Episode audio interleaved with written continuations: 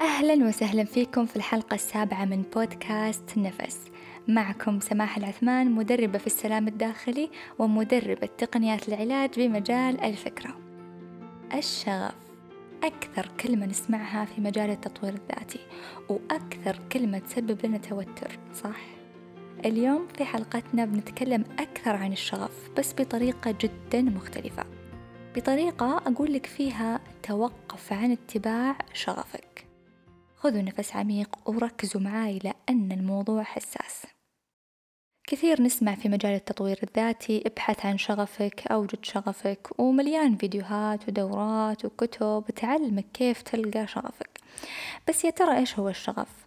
هل هو فعلا شيء واحد في الحياة أنت تحبه وتستمتع فيه ويمشي الوقت بسرعة بدون ما تحس فيه؟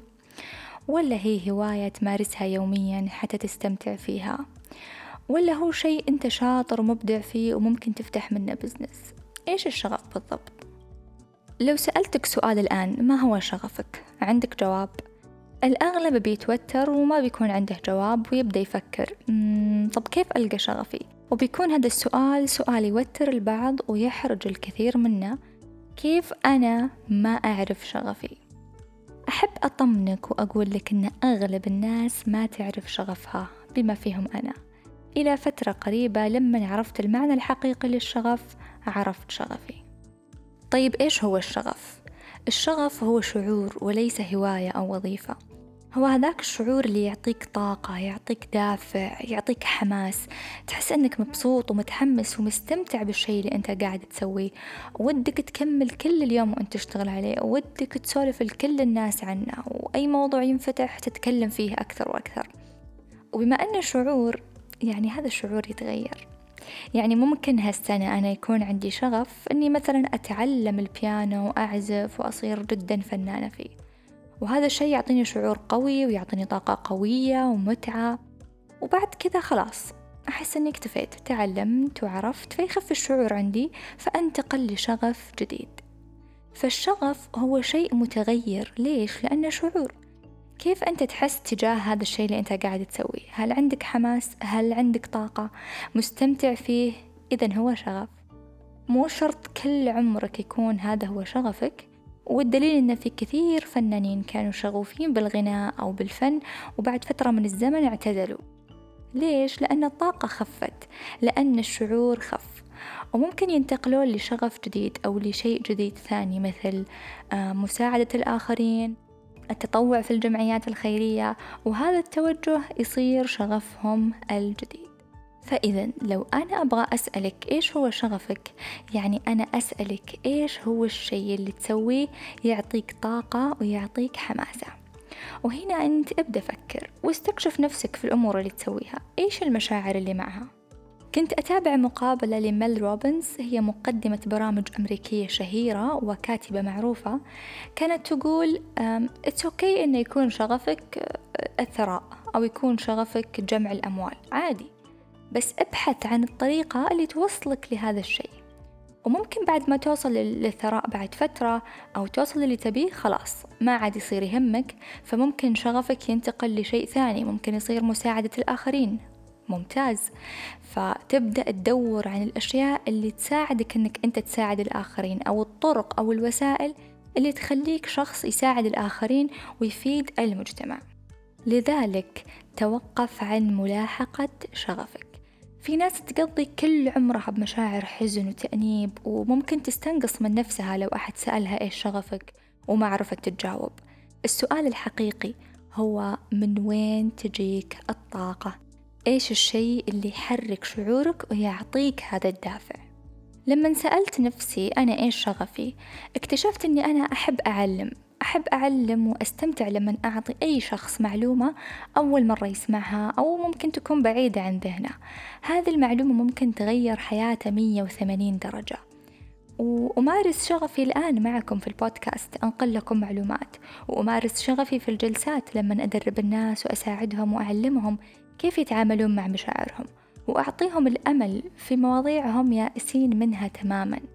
هذا الأمر يعطيني شعور رهيب لما أقدم كورس أو ورشة عمل أو بعد الجلسات بالرغم من أني أحيانا أسمع قصص مؤثرة ولكن أخلص الجلسة وأنا فيني طاقة فيني حماس فيني حب خصوصا لما يقول العميل أنه استفاد وتغيرت مشاعره للأفضل. وأعتقد أن هذا هو الشعور اللي تكلمت عنه هذا هو الشغف اللي ممكن يتغير بعدين ما أدري. طيب خلينا نسأل بعض سؤال. هل ممكن الشغف يموت أو يخف؟ إي نعم ممكن الشغف يموت. ليش؟ نرجع مرة ثانية نقول لأنه شعور. ممكن تقعد سنين تمارس شغف معين مثل أنك تكون عازف أو مصمم أو ممثل أو فنان أو معلم أو أي شيء ثاني وبعد فترة تلقى نفسك مالك خلق. تحب الشغلة هذه اللي أنت تسويها بس مالك خلق ما في طاقة. شفتوا الطاقة اللي تكلمنا عنها بالبداية؟ خلونا نشبهها بالشمعة. تكون بالبداية قوية ومشتعلة وتنور كل المكان وبعد فترة يقل نورها. وهذا تماما اللي يصير مع الشغف. لما يبدأ ينطفي نوره أو تنطفي الطاقة الداخلية اللي فيك هنا أنت عندك خيارين. إما أنك تحيي هذا الشغف من جديد بطريقتك أنك مثلا تدخل أشياء جديدة تضيف أشياء جديدة تتعلم أشياء جديدة لهذا الشغف حتى تشتغل الشمعة من جديد أو تتصالح مع نفسك أن هذا الشغف الآن مات. وجاء وقت أني أنا أكتشف شيء جديد وهنا تبدأ رحلة ثانية حلوة. الجميل في موضوع الشغف اللي كثير منا ما يعرفه هو أنها رحلة حلوة تسمح لك تجرب أشياء كثير في الدنيا إلى أن تكتشف الشيء اللي يضيء الشمعة اللي بداخلك. وتنطفي وترجع تنورها وتنطفي وترجع تنورها وهكذا. دائما لما أشوف business ناجح أحب أتعرف على صاحبه وأسولف معاه شوي. أحيانا يكون ال business شغفه فتلقاه يقوم فيه بنفسه ويشتغل بكل شيء وأحيانا لا. وهنا بعد ضروري نوضح نقطة معينة. مو شرط تنتظر تكتشف شغفك عشان تفتح بزنس أو تفتح مشروع. لا. هذه فكرة جدا منتشرة وللأسف مغلوطة لأنها ممكن تضيع عليك فرص كثير بحجة أنك إيش؟ تنتظر تلقى شغفك. فمن أحد الأشخاص اللي قابلتهم آه، هي مدربة الرياضة كوتش عبير الغسلان. ما شاء الله تبارك الله شغوفة جدا جدا جدا في عملها. في الحصص تتدرب مع البنات تعلمهم كيف يسوون التمارين صح. تحس إنها تعطي الطاقة من جوا جوا جوا قلبها. ففي مرة من المرات سألتها في التمرين قلت لها عبير ممكن تقولي لي كيف اكتشفتي إنك تحبين الرياضة؟ كيف عرفتي إن هذا الشيء هو شغفك؟ كيف؟ خلنا نسمع الجواب مع بعض. شغفي للعمل مئة بالمئة جاي من حبي لمساعدة الناس. يعني أنا آه، ما كان في بالي ولا واحد في المية أني أنا أكون مدربة رياضة بس أنا أعرف أني أنا أحب أساعد وأحب أعلم وأحب اللي يكون عندي يكون لغيري لما أشوف رضا وسعادة البنت اللي أنا قاعدة أدربها كأني ملكت الكون. فالحمد لله آه، ربي أعطاني على قد نيتي على قولتهم. آه وسبحان الله في عام 2005 قريت كتاب حق صلاح الراشد كيف تخطط لحياتك؟ وكتبت في خانة العمل أني حابة أفتح مركز يعني متكامل. فيه نادي فيه استشارات غذاء فيه استشارات نفسية فيه لايف كوتش فيه صالون كل شيء يغير حياة البنت الأفضل. عن بدايتي كانت جدا بسيطة بدأت ب 2009 في نادي جدا بسيط وصغير. بعدين شوي شوي دخلت شراكة مع بنات. توفقنا في البداية بعدين واجهتني مشاكل وصعوبات وتركت الشراكة انكسرت. آه وتعبت تعبت كثير لما وصلت اللي أنا فيه. رغم كل المشاكل كل الصعوبات لسه أحب الشيء اللي أنا قاعدة أعمله. أنا في اليوم تقريبا أدرب سبع ساعات لوحدي وما أحس إني قاعدة أشتغل. أحس إني قاعدة أعطي من قلبي وكأن هذا يعني يعني سعادتي وعلاجي وكل شيء. إن شاء الله إنه يعني حتطور وحيكون عندي مكان أكبر وححقق الأحلام اللي أنا كنت أحلم فيها من زمان يعني. إنه يكون عندي مركز أخدم فيه الناس وأحسن من حياتهم. إذا من كلامها نقدر نقول إن الشغف يبدأ بنية ونيتها كانت مساعدة الآخرين ومع الوقت تجلت هذه النية على شكل نادي رياضي تساعد فيه المتدربات. لذلك إذا ما عندك شغف الآن أو عندك أي شيء تستمتع فيه حط نية تلقى الشيء اللي تحبه ويعطيك طاقة وبنفس الوقت تنفع فيه الآخرين. تذكر أن دائما نوايا الخير فيها قوة. وفي الختام خلونا نسأل الله سبحانه يوعينا على أنفسنا ويساعدنا في اكتشاف ما نحب.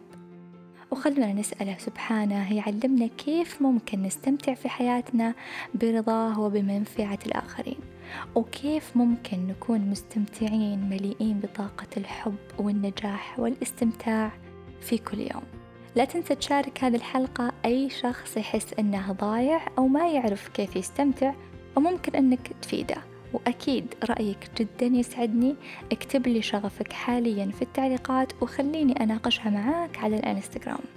ألقاكم في الحلقة القادمة اللي عنوانها كيف أنظف مشاعر الماضي وأبدأ من جديد.